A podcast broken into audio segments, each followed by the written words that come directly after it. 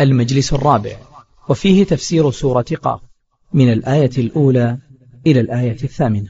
أعوذ بالله من الشيطان الرجيم. بسم الله الرحمن الرحيم. قاف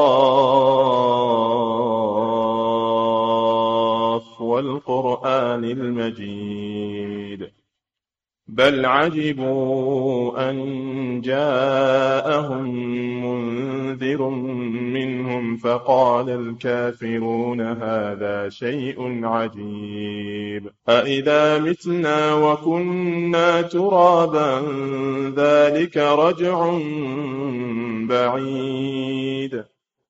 قد علمنا ما تنقص الأرض منهم وعندنا كتاب حفيظ بل كذبوا بالحق لما جاءهم فهم في أمر مريج أفلم ينظروا إلى السماء فوقهم كيف بنيناها كيف بنيناها وزيناها وما لها من فروج. والأرض مددناها وألقينا فيها رواسي وأنبتنا فيها وأنبتنا فيها من كل زوج بهيج تبصرة وذكرى لكل عبد منيب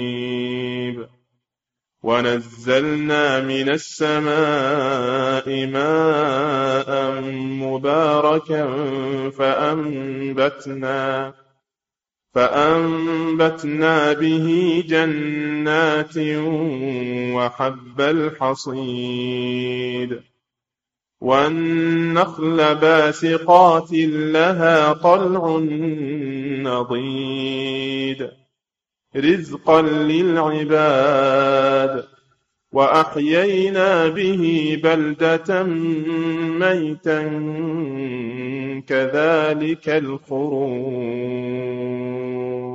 بسم الله الرحمن الرحيم. الحمد لله رب العالمين صلى الله وسلم على نبينا محمد وعلى آله وأصحابه أجمعين. هذه السورة العظيمة تسمى سورة قاف. لأن الله ابتدأها بهذا الحرف وهو حرف قاف وهي أول المفصل أول حزب المفصل والمفصل سمي بذلك لكثرة الفواصل فيه بين السور. وقيل سمي المفصل أي أنه لم يدخله النسخ لم يدخله نسخ. وكل المفصل في موضوع في موضوع التوحيد. وإقامة الأدلة على ذلك. وهذه السورة كان النبي صلى الله عليه وسلم يقرأ بها في يقرأ بها وباقتربت الساعة في صلاة العيد ليذكر بها الناس يذكر بهما الناس المجتمعين لأن صلاة العيد تجمع أكبر عدد ممكن في البلد. وكان أيضا صلى الله عليه وسلم يقرأ بها أو يقرأ منها في خطبة الجمعة. كان يقرأ منها في خطبة الجمعة. قالت أم هشام بنت الحارث أو بنت حارثة ما حفظت قاف القرآن المجيد إلا من لسان رسول الله صلى الله عليه وسلم. كان يقرأ بها كل جمعة على المنبر. ومعنى ذلك أنه يقرأ منها. ليس المراد أنه يقرأها كاملة كل جمعة على المنبر وإنما كان يقرأ منها فهي تلقفتها من الرسول صلى الله عليه وسلم في قراءاته لها حتى تكاملت عندها.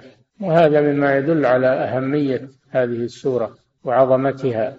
وعناية الرسول صلى الله عليه وسلم بقراءتها وأنه كان يقرأ بها في المجامع الكبيرة كالعيدين والجمعة لما فيها من الوعظ والتذكير. قوله قاف هذا من الحروف المقطعة لأن الحروف التي يبنى منها كلام العرب ثمانية وعشرون حرفا ثمانية وعشرون حرفا أولها ألف وآخرها ياء. من جملة هذه الحروف قاف. وما الحكمة في افتتاح هذه السورة بها وغيرها من السور؟ لأن كثير من السور افتتح بالحروف المقطعة. مثل قاف صاد نون. وقد يكون أكثر من حرف مثل ألف لام ميم. ألف لام ميم راء ألف لام راء. كاف ها يا عين صاد. حاميم آه طه ياسين تارة يبدأ السورة بحرف واحد وتارة بأكثر بأكثر من حرف فما معنى ذلك؟ أكثر المفسرون من الكلام على تفسير هذه الحروف لم يستطيعوا أقوال كلها لا لا تقوى في النظر وأقربها والله أعلم إما أن يقال هذه من المتشابه الذي لا يعلمه إلا الله مثل كيفية الصفات وكيفية ما وعد الله في الدار الآخرة فهي من المتشابه الذي لا يعلمه إلا الله وليست من المتشابه الذي يرد إلى المحكم لأن المتشابه على قسمين تشابه يعلمه الراسخون في العلم بأن يردوا المتشابه إلى المحكم ويفسرونه به. متشابه لا يعلمه إلا الله مثل الكيفيات التي أخبر الله عنها كيفية الأسماء والصفات كيفية ما في الجنة وما في النار وما يكون في الآخرة. هذه لا يعلم تأويلها إلا الله وإنما يعرف تأويلها إذا وقعت. إنما يعرف تأويلها إذا وقعت حصلت. أما قبل ذلك فلا يعلمها إلا الله سبحانه وتعالى. كما قال يوسف عليه السلام يا أبت هذا تأويل رؤياي. قاله بعد مدة الرؤيا متى؟ في أول عمره والتأويل إنما حصل في آخر عمره. هذا تأويل رؤياي أي تفسيرها. هل ينظرون إلا تأويله؟ يعني ما ينتظرون إلا وقوع ما أخبر به يوم القيامة. يوم يأتي تأويله يقول الذين نسوه من قبل قد جاءت رسل ربنا بالحق فهل لنا من شفعاء فيشفعوا لنا أو نرد فنعمل غير الذي كنا نعمل؟ فهذا التأويل لا يعرف إلا عند وقوعه. أما قبل وقوعه فلا يعلمه إلا الله سبحانه وتعالى. فهذه الحروف من هذا القول على رأي بعضهم إنها من المتشابه الذي لا يعلم تأويله إلا الله. ولهذا تجدون في كثير من كتب التفسير يقولون الله أعلم بمراده بها. القول الثاني وهو اختيار شيخ الإسلام بن تيمية وابن القيم وجماعة من المحققين والمفسرين أن هذه الحروف المقطعة دلالة على إعجاز القرآن. دلالة على إعجاز القرآن. لأن القرآن كلام عربي مرتب أو مركب من هذه الحروف التي تنطقون بها. ومع هذا عجزتم عن الاتيان بسورة من مثله مع أنه مركب من حروف تنطقون بها ففيه إشارة إلى الإعجاز. ولذلك يأتي بعد كل حرف من المقطع ذكر للقرآن في سورة البقرة يقول جل وعلا ألف لام ميم ذلك الكتاب لا ريب فيه. ألف لام ميم الله لا إله إلا هو الحي القيوم. نزل عليك الكتاب بالحق وأنزل التوراة والإنجيل. ألف, ألف لام راء كتاب أحكمت آياته. ثم فصلت. ألف لام ميم. تنزيل الكتاب من رب العالمين. ألف لام ميم. تنزيل الكتاب لا ريب فيه من رب العالمين. ودائما يأتي ذكر الكتاب والقرآن بعد ذكر الحرف أو الحروف المقطعة إشارة إلى الإعجاز. وهذا قريب هذا القول قريب واضح ثم قال جل وعلا والقرآن هذا قسم من الله سبحانه وتعالى. الواو من حروف القسم لأن يعني حروف القسم ثلاثة الواو والباء والتاء تالله بالله والله. هذه حروف القسم. وهنا جاءت الواو والقرآن ولهذا صار الاسم مجرورا بعدها لأن لأن المقسم به يجر بواو القسم مجرور. مجرورا بإيش؟ بواو القسم والقرآن. وهذا فيه دليل على أن القرآن كلام الله وكلامه سبحانه صفة من صفاته. فيجوز الإقسام بالقرآن لأنه من كلام الله جل وعلا. كلام الله صفة من صفاته ويجوز الإقسام بالله أو بصفة من صفاته سبحانه وتعالى. فهذا دليل على أن القرآن من صفات الله غير مخلوق كما تقوله الجهمية لأنه لا يجوز الحلف بالمخلوق. وإن كان الله جل وعلا له أن يقسم بما شاء فأقسم بالمخلوقات في كثير من الآيات هذا خاص بالله جل وعلا. أما نحن فلا يجوز لنا أن نحلف إلا بالله أو بصفة من صفاته. قال تعالى قال صلى الله عليه وسلم من كان حالفا فليحلف بالله أو ليصمت. لا تحلفوا بآبائكم. من كان حالفا فليحلف بالله. وفي حديث آخر من حلف بغير الله فقد كفر أو أشرك. هذا بالنسبة للمخلوقين فلا يحلفون إلا بالله أو بصفة من صفاته سبحانه. أما الخالق جل وعلا فإنه يقسم بما شاء. والقرآن والقرآن هو الكتاب المنزل على محمد صلى الله عليه وسلم. هو القرآن هذا من أسمائه. ومن أسمائه الفرقان من أسمائه الذكر الحكيم. وله أسماء كثيرة. من أسمائه المجيد القرآن المجيد له أسماء أسماء كثيرة والتنزيل من أسمائه التنزيل والقرآن المجيد. المجيد فعيل من المجد صيغة مبالغة من المجد وهو الاتساع. المجد هو الاتساع في الخير فالقرآن متسع في الخير والعلم. لا حصر لبركاته وفقهه وخيراته. ولكن كل يأخذ منه بقدر ما آتاه الله من الفهم. وإلا ما أحد يحيط بأسرار القرآن ومعاني القرآن وفقه القرآن ما أحد يحيط بهذا. ولكن كل يأخذ بقدر ما أعطاه الله عز وجل من الفهم. لأن القرآن مجيد يعني واسع الخيرات والبركات. إن أردت الأدلة العقلية فهي موجودة.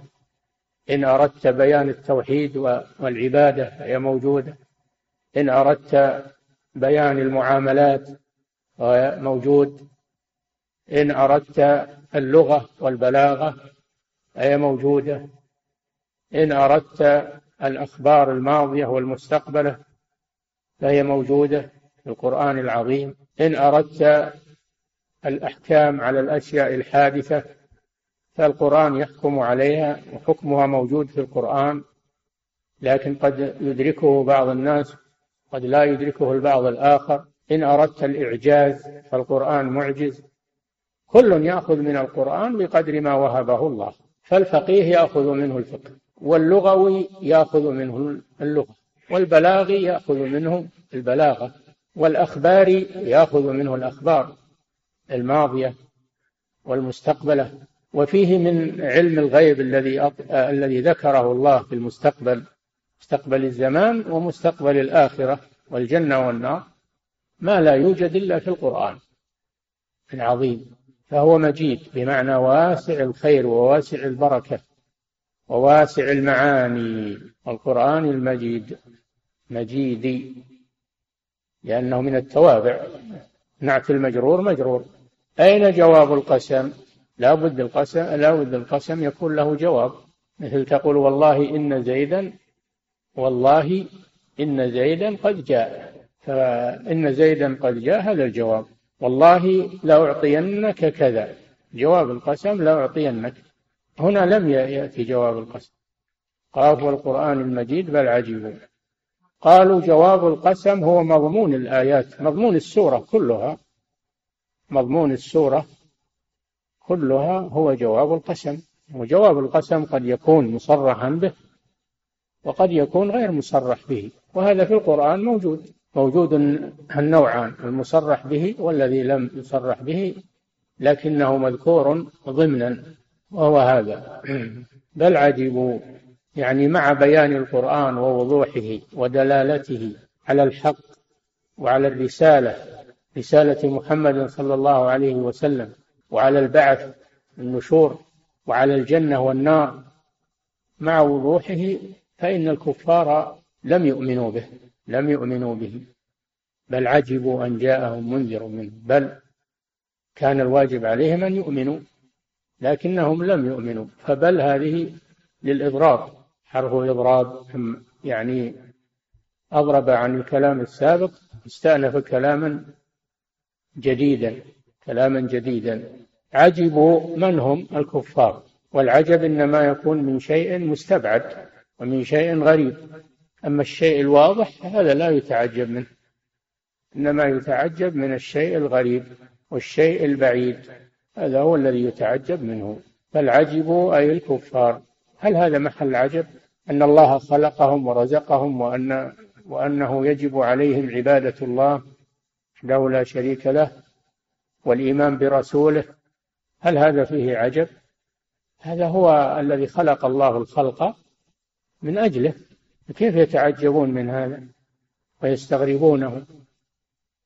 إلا لاستحكام كفرهم وعنادهم والعياذ بالله. فبدل أن يؤمنوا عجبوا واستغربوا هذا الأمر العظيم بل عجبوا أن جاءهم منذر منهم. تقدير من عجبوا من أن جاءهم. فيكون أن وما دخلت عليه في تأويل المصدر مجرور بتقدير من أن جاءهم أي عجبوا من أن جاءهم منذر منهم. أو تكون تعليلية. عجبوا لمجيء لمجيء منذر منهم. عجبوا لمجيء منذر منهم. المنذر من هو؟ هو محمد صلى الله عليه وسلم. وكانوا ينكرون رسالته. ويقولون لا يمكن أن تكون الرسالة في البشر لولا أنزل علينا الملائكة أو نرى ربنا. يعني بلغ بهم العناد إلى أن يقولوا نحن ما ننقاد لبشر مثلنا وإنما لو جاءنا ملك من الملائكة أرسل الله إلينا ملكا بل عجبوا أن جاءهم منذر منهم أي من جنسهم عربي ينطق بلغتهم فيعرفون نسبه وليس أجنبيا حتى يقولون والله ما نعرفه. لا ندري هو صادق ولا ما هو صادق. هو أمين ولا ما هو. هم يعرفونه. منهم عايشين بينهم. ويعرفون أمانته ويعرفون نشأته ويعرفون نسبه عليه الصلاة والسلام. هو بإنسان يجهلونه حتى يتوقفوا عن خبره. أن جاءهم منذر منهم. وهذه حكمة الله أنه يبعث الرسل من جنس البشر. من جنس البشر. لأجل أن يتفاهموا معه ويخاطبهم ويرونه. أما الملك فلا يطيقون الاجتماع معه ولا رؤيته. الملك يرسل إلى الملائكة من جنسه والبشر يرسل إليهم بشر من جنسهم. جاءهم منذر منهم فهذا من رحمة الله أنه جعل الأنبياء من بني آدم. ويقولون لماذا خص من بيننا؟ نحن أولى بالرسالة منه. هو بشر وحنا بشر. الله جل وعلا يقولون وقالوا لن نؤمن حتى نؤتى مثل ما أوتي رسول الله. هذا من اعتراضاتهم. لماذا يخص رجل واحد منا؟ أبشرا منا واحدا نتبعه؟ لماذا يخص من بي... أينزل الذكر عليه من بيننا؟ وأحيانا يقولون ما ما هو ما هو بكفو إنه يبعث يتيم وفقير.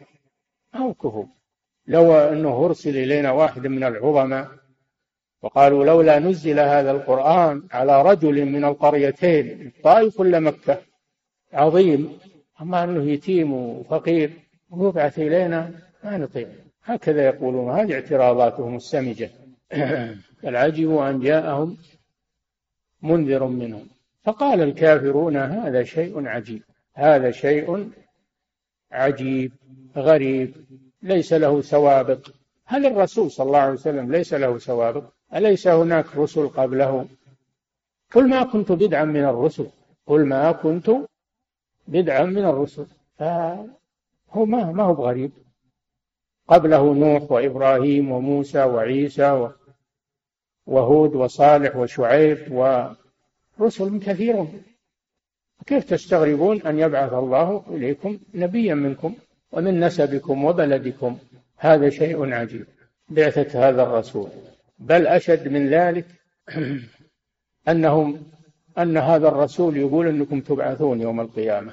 هذا الرسول مع غرابة شأنه ورسالته جاء بأمر نعجب وهو أنه يقول إنكم إذا إنكم إذا متم وكنتم عظاما أنكم تبعثون يوم القيامة. هل هذا يعقل أن التراب يعود ويصير إنسان؟ هذا شيء عجيب. أإذا متنا وكنا ترابا هل هل يعاد التراب ويكون بشر؟ يا سبحان الله. والأول ما هو بتراب ما هو بآدم مخلوق من تراب. ثم أيضا أنتم من, من ماذا خلقتم؟ من ماء من ماء مهين. ولم تكونوا موجودين من قبل أصلا. فكيف تتعجبون من البعث ولا تتعجبون من البداية؟ من بداية الخلق وهو الذي يبدأ الخلق ثم يعيده وهو أهون عليه. وله المثل الأعلى في السماوات والأرض وهو العزيز الحكيم. أئذا متنا وكنا ترابا يعني تحللت أجسامنا وصارت ترابا بدل أن كانت لحما وعظاما صارت ترابا. استحالت استحالت حينئذ فكيف تعاد؟ وهي مستحيلة ومتحولة إلى تراب كنا ترابا. وفي الآية الأخرى قال من يحيي العظام هي رميم. قل يحييها الذي أنشأها أول مرة. وهو بكل خلق وهو بكل خلق عليم. فلماذا تعجبون من البعث ولا تتعجبون من البداية؟ هذا هذا إفحام لهم. هذا دليل عقلي. أن الذي قدر على البداية من لا شيء قادر على الإعادة من باب أولى وهو أهون عليه في نظر العقول ولكن الله لا يعجزه شيء سبحانه وتعالى. لكن هذا من باب المناظرة والمجادلة لهم. أئذا متنا وكنا ترابا ذلك رجع بعيد. يعني بعث بعث بعيد. ما يمكن ما يمكن هذا أنه يكون.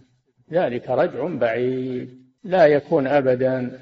أئذا متنا وكنا ترابا. ذلك أي بعثنا مرة ثانية رجع بعيد بعيد الوقوع. فلم يصدقوه دون نظر إلى البراهين والأدلة وإنما استغربوا بعقولهم وقاسوا قدرة الله على قدرتهم قاسوا قدرة الله جل وعلا على قدرتهم وتصوراتهم ولم يقدروا الله حق قدره سبحانه ولم يعرفوا عظمته وأنه جل وعلا لا يعجزه شيء وأنه على كل شيء قدير لم يؤمنوا بهذا. رد الله عليهم بقولهم أئذا كنا ترابا بأن الله جل وعلا يعلم هذا التراب المتحلل يعلمه سبحانه وتعالى ولا يضيع في الأرض. هذا التراب المتحلل لا يضيع في الأرض ويصير مثل التراب الآخر بل هو محفوظ. بل هذا التراب محفوظ ويعذب أو ينعم في القبر وهو تراب. والله على كل شيء قدير. قد علمنا ما تنقص الأرض منهم أي من أجسامهم وأنها تتحول إلى تراب. هذا يعلمه الله سبحانه وتعالى.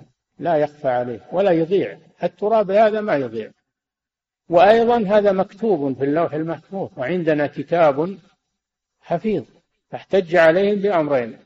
علم الله المحيط بكل شيء الذي لا يضيع عليه شيء. والأمر الثاني الكتاب الذي حفظ الله وكتب فيه كل شيء مما يكون مما كان وما يكون. إذا فلا يستغرب أن الله يعيد التراب أجساما. التراب المتحلل من الأجسام يعيده إلى لحم وعظام وعروق ثم يقوم الإنسان من قبره. ثم نفخ فيه أخرى فإذا هم قيام ينظرون قيام ينظرون.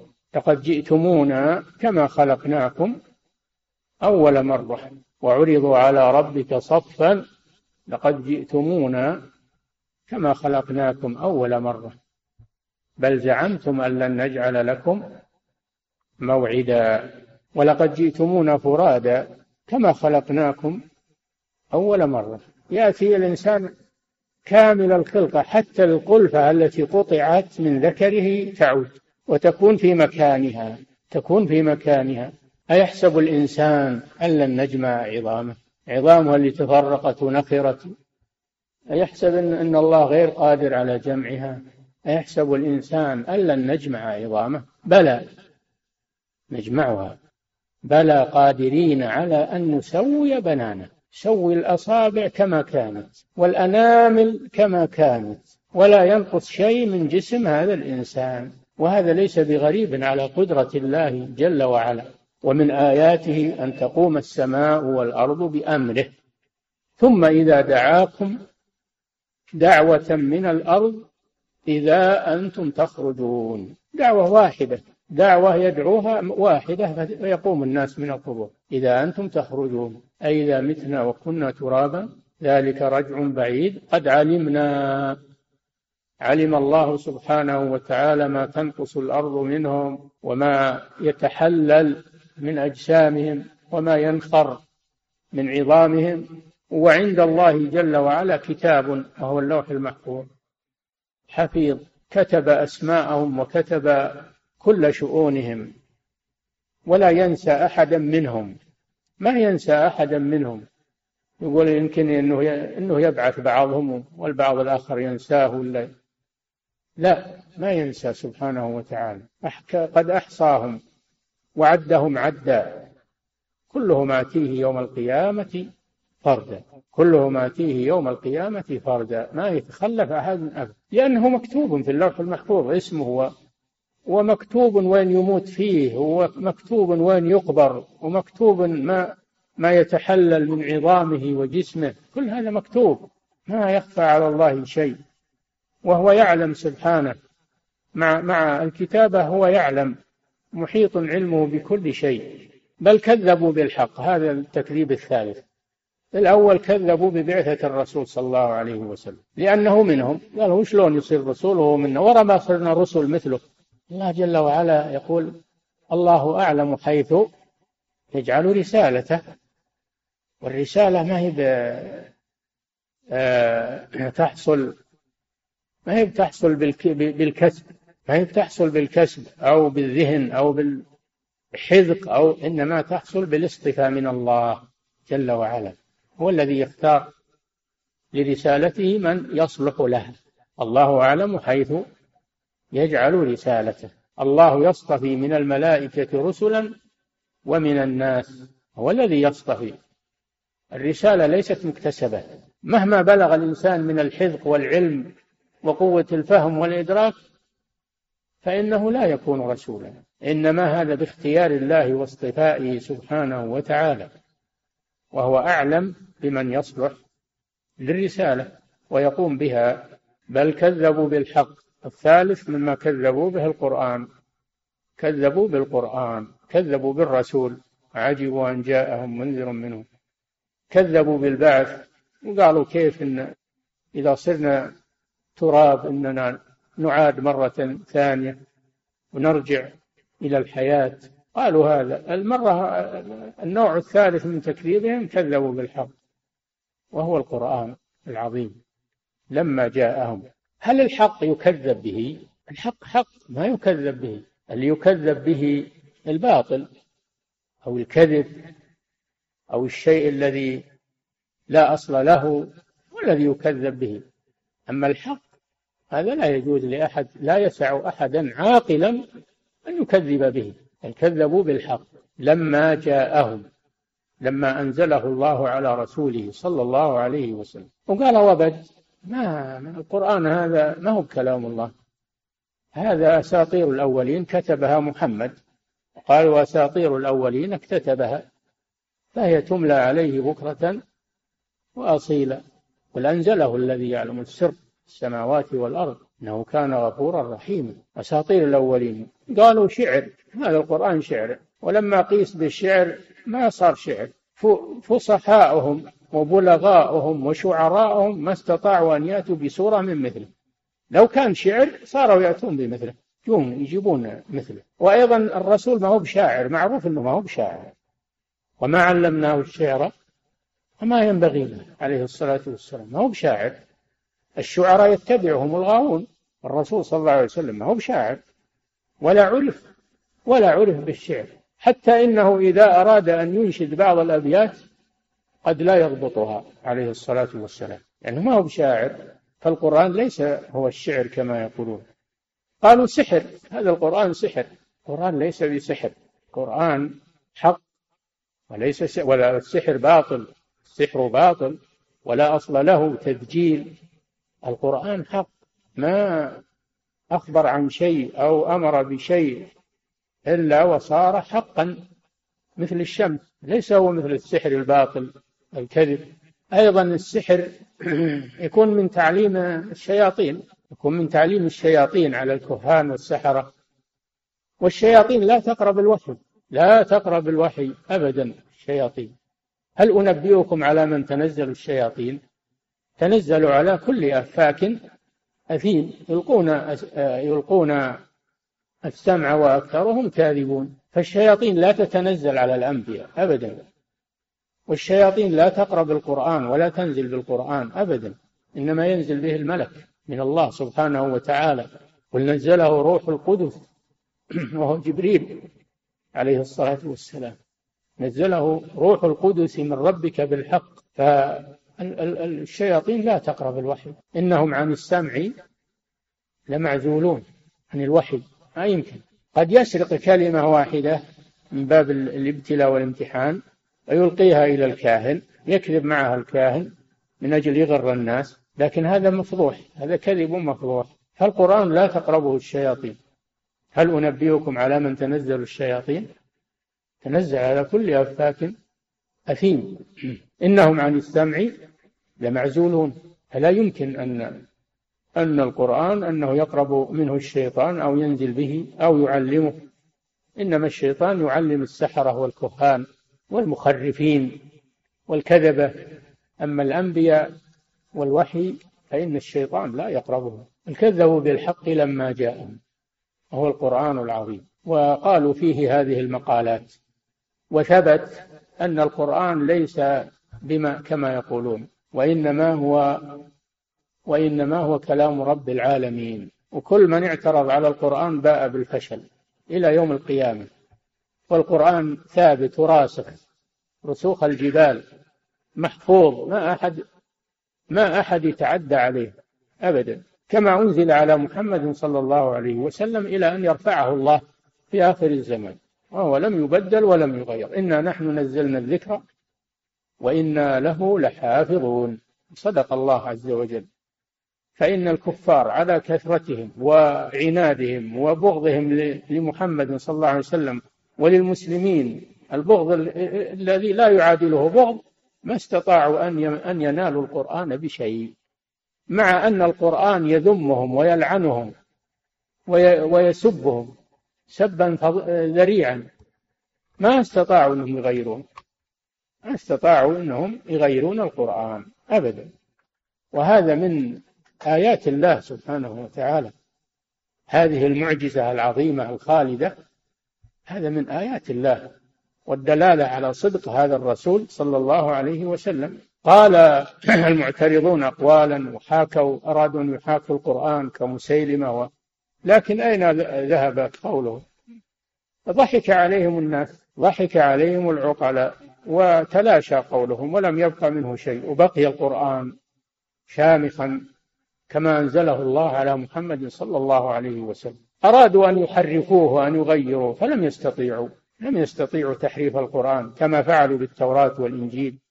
ما استطاعوا أن يفعلوا ذلك لأن الله حفظه. أما التوراة والإنجيل فإن الله وكل حفظهما إلى الأحبار إلى الأحبار والعلماء لكنهم لم يحفظوها.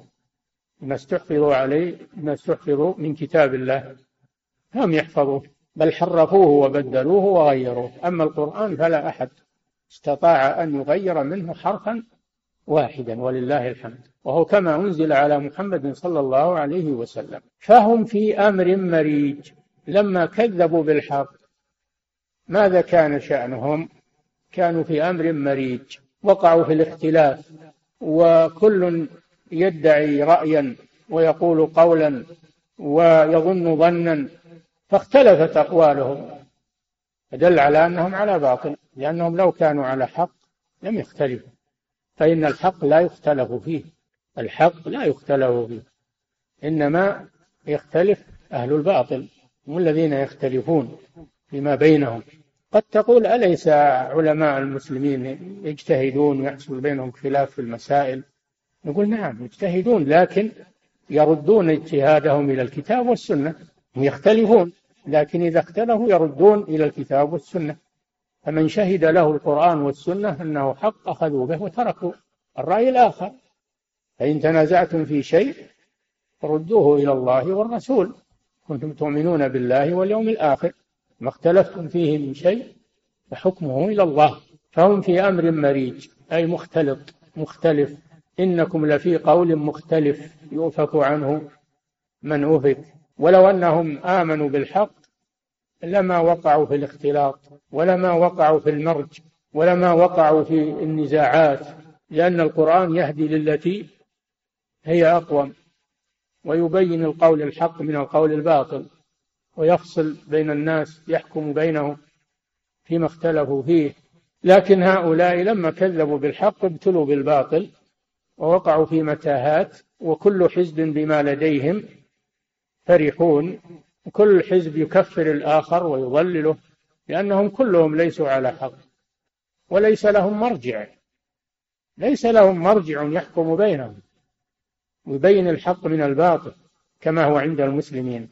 فالمسلمون وإن اختلفوا فإنهم يرجعون إلى الكتاب والسنة فيحكم بينهم بالحق ويترك المخالف ولكنه لما لا لما كان اختلافه أو مخالفته عن اجتهاد.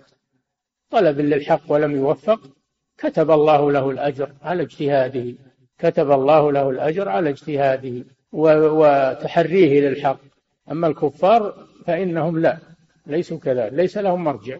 فلذلك كل يركب رأسه وكل يقول قولا يخالف القول الآخر فهم في أمر مريج وهكذا. كل من ترك الحق فإنه يبتلى بالباطل. ومن رجع إلى الحق فإنه يرزق يرزق الثبات ويرزق الاتفاق بين بين المختلفين. أما من أعرض عن الحق فإنه يبتلى بالاختلاف والتفرق ويبتلى بالباطل والعياذ بالله. فهم في أمر مريج لم يستقر لهم قرار وإنما يتخبطون. في أقوالهم وأهوائهم وهذا شأنهم إلى أن تقوم الساعة. ما داموا لم لم يؤمنوا بالحق ويرجعوا إلى الحق فإنهم في تخبط. وهذا هو واقع الدول الكافرة اليوم وواقع الدول الكافرة وواقع الديانات الباطلة والنحل المخترعة. هم في خلاف وفي شجار وفي خصام وفي وكلهم على باطل والعياذ بالله. كلهم على باطل. ولا يرجى لهم خير أبدا. ما داموا كذلك. فهم في أمر مريج. ثم إنه سبحانه وتعالى لما ذكر مواقفهم الثلاثة من الرسول ومن البعث ومن القرآن أتى بالأدلة والبراهين العقلية القاطعة على على صدق ما جاء به هذا الرسول صلى الله عليه وسلم وما جاء به هذا القرآن. وعلى أن البعث حق. قال تعالى أفلم ينظروا إلى السماء فوقهم؟ فوقهم سماء ما حد يكذب أحد يكذب في السماء. السماء فوقك. أفلم ينظروا إلى السماء فوقهم؟ كيف بنيناها؟ من الذي بناها؟ سبع طباق. والسماء بنيناها بأيد وإنا لموسعون والأرض فرشناها فنعم الماهدون. الذي جعل لكم الأرض فراشا والسماء بناء أي سقفا ولم ينظروا إلى السماء فوقهم. أين ذهبت السماء فوق. أن تروح الجهة ما فيها سماء. ضرب الطيارات تروح باللي تبي ما تخرج عن السماء فوق أبدا. هل أحد ذكر أنه خرج عن السماء؟ ما أحد ذكرها السماء محيطة وواسعة فوقهم. كيف بنيناها؟ وأيضا هي فوقهم فوقهم. والعادة أن اللي يكون فوق والسقف يكون على أعمدة أو على جدران. السماء وين جدرانها؟ وين أعمدتها؟ ها؟ رفع السماء بغير عمد. ترونها. بغير عمد ترونها. فأين الأعمدة التي عليها السماء؟ وأين اللوائح والجدران؟ والدعامات إنما الله هو الذي أمسكها سبحانه وتعالى.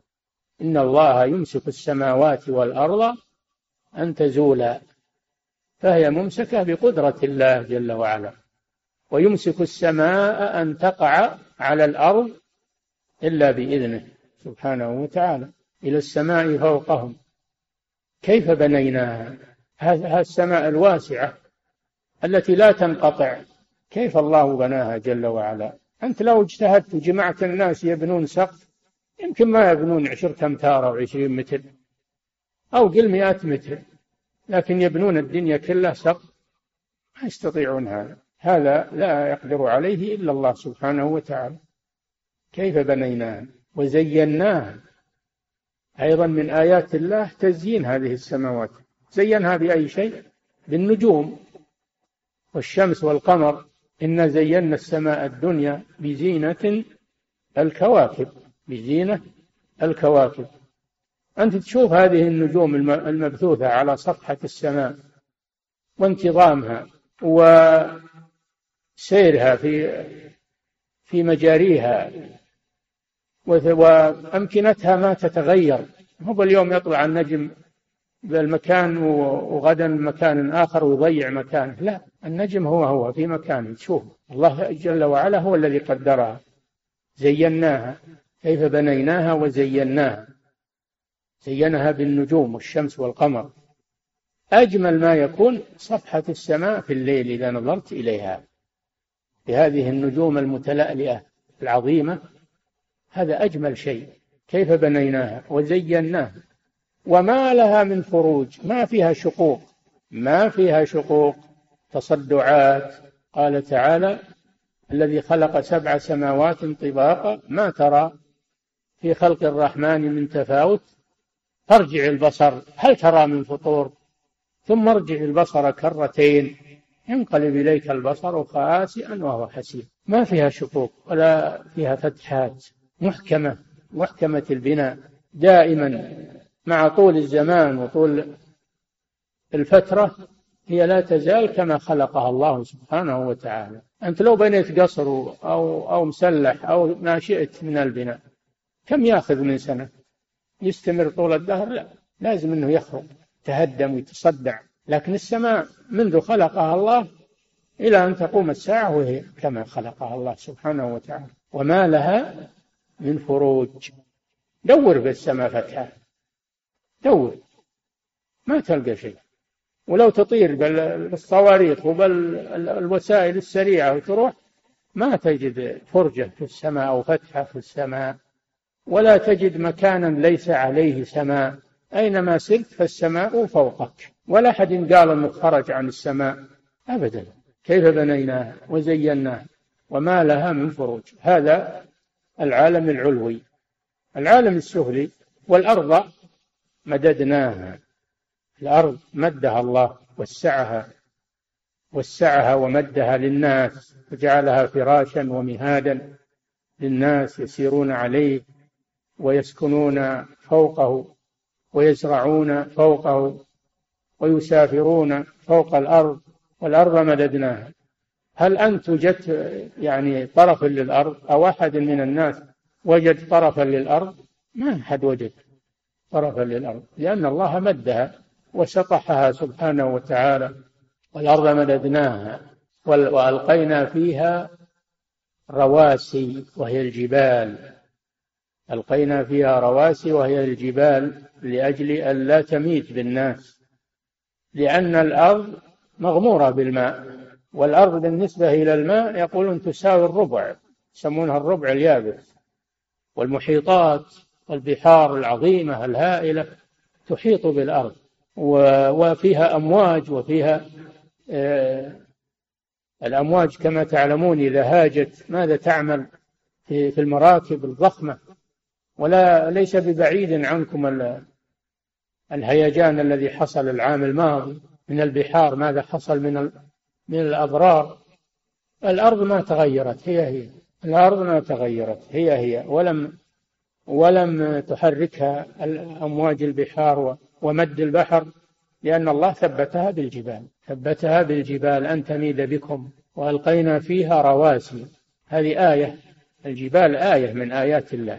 أولا أن الله مد الأرض. ثانيا أن الله جعل فيها رواسي. ثالثا أن الله أنبت فيها مختلف النباتات. وأنبتنا فيها من كل زوج من كل شكل. الزوج المراد به الشكل. من كل زوج بهيج. حسن من منظر يبهج.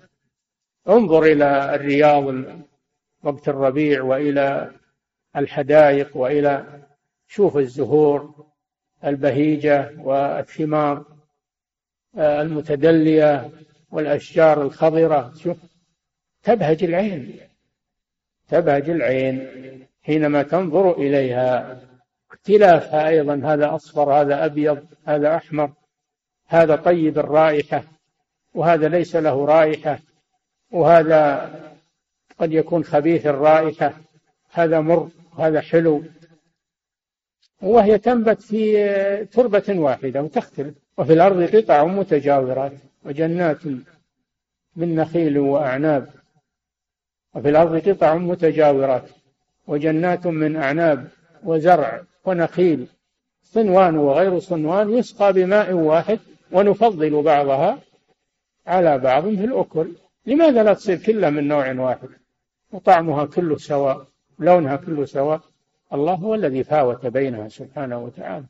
مع أنه متجاورة هذه بجنب. ذي والتربة واحدة والماء واحد فمن الذي شكلها هذا التشكيل؟ هو القادر سبحانه وتعالى. هل تقولون إنه لا يمكن يبعث الناس ولا يمكن يرسل الرسول؟ ولا يمكن ينزل القرآن. هذه آياته سبحانه وتعالى. أنتم مش عندكم؟ على ما تقولون. الله جل وعلا أبدى براهينه القواطع. فأنتم ما هو دليلكم على قولكم؟ ما ما أجابوا بشيء. انقطعوا من كل زوج بهيج. من كل زوج أي شكل. شكلها سبحانه وتعالى. بهيج للمنظر. تبصرة وذكرى. لكل عبد منيب. هذه السماوات وما فيها من الزينة والأرض وما فيها من الزينة وما فيها من الفوائد هذه كلها تبصرة للناس وتذكير للناس في أن خالقها سبحانه وتعالى هو الذي لا يعجزه شيء وهو المستحق للعبادة سبحانه وتعالى دون ما سواه. أنتم تعبدون الأصنام. أين أين الذي خلقت هذه الأصنام؟ بل الأصنام نفسها مخلوقة. وربما تكون هذه الأصنام أنتم الذين نحتموها بأيديكم. تعبدون ما ما تنحتون. حجارة تنحتونها. تضربونها بالفؤوس وتعبدونها بعد ذلك. هل خلقت هذه المعبودات شيئا من هذه المخلوقات العظيمة؟ هل أحد قال إن صنمه أو إن معبوده أنه أوجد كذا وكذا؟ أوجد جبل من الجبال أو أنبت شجرة من الأشجار يعني خلقها. أما أنه بذرها ونبتت هذا من الله جل وعلا. لكنه خلقها هو ولم ولم يكن ذلك عن عن بذر وسقي وتسلسل. اخترعها هو وابتدأها ما في. تبصرة وذكرى. لكن لمن؟ للغافل للكافر للجاهل؟ لا. لكل عبد منيب أي راجع إلى الله جل وعلا. يرجع من الباطل إلى الحق ويعترف بآيات الله سبحانه وتعالى. أما الذي يركض رأسه ويعجب برأيه ويعاند هذا لا حيلة فيه. كل عبد منيب. هم لكل الناس. كل عبد منيب أي رجاع إلى الله. سبحانه وتعالى. ثم قال ونزلنا من السماء ماء مباركا. لعلنا نقف عند هذا. ما ما في وقت. نعم. صلى الله عليكم سماحة الوالد يقول السائل لماذا ذكر الله عز وجل في القرآن آيات متعلقة بتوحيد الربوبية كخلق السماوات والأرض مع أن هذا الأصل مسلم عند جميع الناس مسلمهم ومشركهم؟ لأجل أن يستدل أو ليكون دليلا لأجل أن يكون دليلا على توحيد الألوهية والعبادة. ذكره من باب من باب الإلزام لهؤلاء الذين يقرون به ويشركون بالله في العبادة يلزمهم بأن يفردوا الله بالعبادة. هذا من البراهين من براهين توحيد الألوهية. من براهين توحيد الألوهية توحيد الربوبية. فهو خاطبهم بما يسلمون به ليلزمهم بما ينكرونه وهو توحيد الألوهية. نعم. صلى الله عليكم سماحة الوالد يقول السائل هل كان النبي صلى الله عليه وسلم يقرأ سورة يقرأ سورة قاف في خطبة الجمعة كاملة أو أنه كان يقرأ بعضا منها فقط؟ يعني نعيد الكلام الذي قلناه هذا قلناه إنما هو معناه أنه يقرأها كاملة وإنما يقرأ منها في كل جمعة جزءا حتى تتكامل عند المرأة التي حفظتها. نعم. صلى الله عليه سماحة الوالد. يقول السائل هناك من يستدل بحديث إتيان البقرة وآل عمران كالغمامتين تحاجان عن صاحبها يوم القيامة. يستدل بذلك على أن القرآن ليس صفة لله بل هو مخلوق. ويقول لو كان صفة لله فكيف ينفصل عنه يوم القيامة؟ القرآن ما هو بيدينا الآن. إذا تقول كيف انفصل عن الله؟ الكلام ينفصل عن المتكلم. أنت كلامك ويبقى فيك ولا ينفصل. سبحان الله وش هالكلام المغلوط؟ القرآن كلام الله وهو منزل منه سبحانه وتعالى منزل منه إلى أهل الأرض. نعم. صلى الله عليكم سماحة الوالد. يقول السائل هل طه من أسماء النبي صلى الله عليه وسلم بدليل الآية التي بعدها ما أنزلنا عليك القرآن لتشقى؟ لا. طه حروف مقطعة من طاء وهاء. وليست اسما كما يظنه من يظن.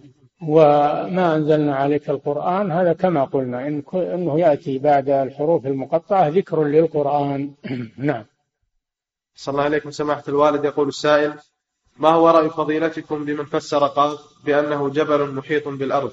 هذا أبطله الحافظ بن كثير في تفسيره وقال هذا لا يبعد أنه من قول أهل الكتاب.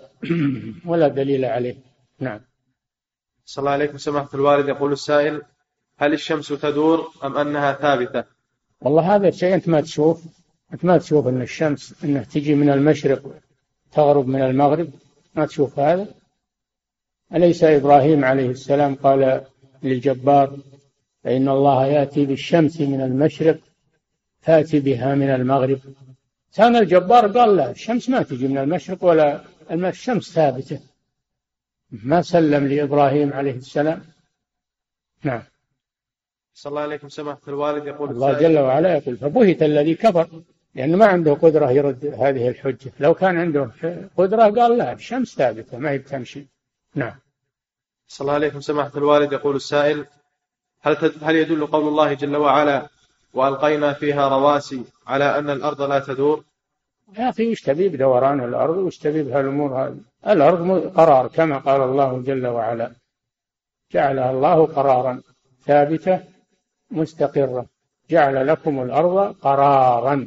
يكفيك هذا يكفيك ما في القرآن. نعم ولا تذهب مع النظريات الجغرافية التي إنما هي حدس وتخمين. نعم. صلى الله عليكم. سماحة الوالد يقول السائل كثر في الآونة الأخيرة كتب وأشرطة تتحدث عن الإعجاز القرآني وموافقة هذه النظريات للآيات البينات فما هو الضابط في ذلك وما هو واجب طالب العلم تجاه ذلك؟ تفسير القرآن متقن ومضبوط وله طرق ذكرها أئمة التفسير لا يفسر بغيرها. فسر القرآن بالقرآن يفسر القرآن بالسنة فسر القرآن بتفسير الصحابة فسر القرآن بتفسير التابعين. يفسر القرآن باللغة التي نزل بها وهي اللغة العربية. هذه وجوه التفسير. أما من زاد على هذا جاب وجه غير هذه الوجوه هذه شيء مبتكر ولا أصل له. ولا يجوز تفسير القرآن بالرأي. ذكر الحافظ ابن كثير في أول تفسيره الحديث وجوده من قال في القرآن برأيه وبما لا يعلم فليتبوى مقعده من النار وأخطأ ولو أصاب. نعم. الله عليكم سماحة الوالد. يقول السائل هل هذه القراءات السبع هي الأحرف السبعة التي أنزل بها القرآن؟ لا. القراءات السبع ما هي بالأحرف السبعة عند أهل العلم. قراءة السبع هذه الروايات التي رويت عن النبي صلى الله عليه وسلم أنه قرأ بها وعلمها أصحابه. نعم. صلى الله عليكم سماحة الوالد. يقول السائل ما هو رأي فضيلتكم في تفسير الجلالين؟ كغيره من التفاسير المتأخرة جيد من ناحية اللغة ومن ناحية الاختصار فهو يعتبر متن للتفاسير لكنه أتى عليه ما أتى على التفاسير المتأخرة من تأويل الصفات فهو أشعري. هو وشيخه جلال الدين الحلي أشاعرة. نعم. صلى الله عليكم سماحة الوالد يقول السائل ما هو رأي ما هو رأي سماحتكم في المفردات للأصفهاني رحمه الله؟ هذا لغوي هذا جيد. مفردات القرآن يعني تفسير الم... الألفاظ الألفاظ القرآنية باللغة العربية. فهو لغوي كتاب لغوي. نعم. صلى الله عليكم سماحة الوالد. يقول السائل هناك مسابقة لحفظ القرآن الكريم وأنا أرغب في الدخول في هذه المسابقة. ها؟ يقول أحسن الله إليكم. هناك مسابقة لحفظ القرآن الكريم وأنا أرغب في الدخول في هذه المسابقة ولكني أخشى أن أكون ممن أراد بعمل بعمله الدنيا فيكون من الخاسرين. فهل يجوز له الدخول في هذه المسابقة؟ إن كان قصده المال نعم فهو لا يجوز له. وإن كان قصده تعلم القرآن والتنافس التنافس في القرآن هذا شيء طيب. نعم. ولكن يشترط في هذه الجائزة لا تدفع شيء لأن بعضهم يجعل رقم تكلم عليه ويأخذون عليك فلوس عن المكالمة ويجمعون الفلوس ويتقاسمونه ويعطي يعطون أهل الجوائز قسما منها. يتخذونه تجارة. هذا لا يجوز هذا قمار. هذا هو القمار والعياذ بالله. تدفع فلوس يسيرة ويجيك مبلغ كبير من أموال الناس. هم من مالهم هم. جامعينه من هالمكالمات. الدقيقة بكذا المكالمة. أما إن كانوا يعطونك على التلاوة الجيدة بدون أنك تدفع شيء وليس قصدك أنت المال فلا بأس بذلك. نعم. صلى الله عليكم سماحة الوالد. يقول السائل ما هو تفسير قول الله جل وعلا والله سريع الحساب؟ سريع على ظاهره سريع الحساب. يحاسب الناس في في ساعة سبحانه وتعالى أو أقل من ذلك لا يعجزه شيء. نعم. صلى الله عليكم سماحة الوالد يقول السائل هل يجوز القسم بصفة من صفات الله الفعلية كالضحك والغضب؟ نعم. هذا هذا فعل ما هو؟ هذا فعل. صفاته الذاتية كالوجه والكلام آه، الكلام صفة فعل من ناحية التكلم لكنه صفة ذات من ناحية قيام قيامه بالله سبحانه وتعالى فهو صفة ذات وصفة فعل. الله متصف بأنه يتكلم وهو يتكلم سبحانه إذا شاء. نعم.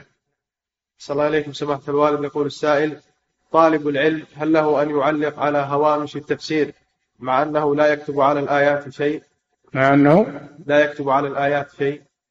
لا ما يكتب. إلا كان عالم. إذا كان عالم يضيف علم ليس في التفسير ليس في الكتاب وهو عالم لا بأس يكتب حواشي.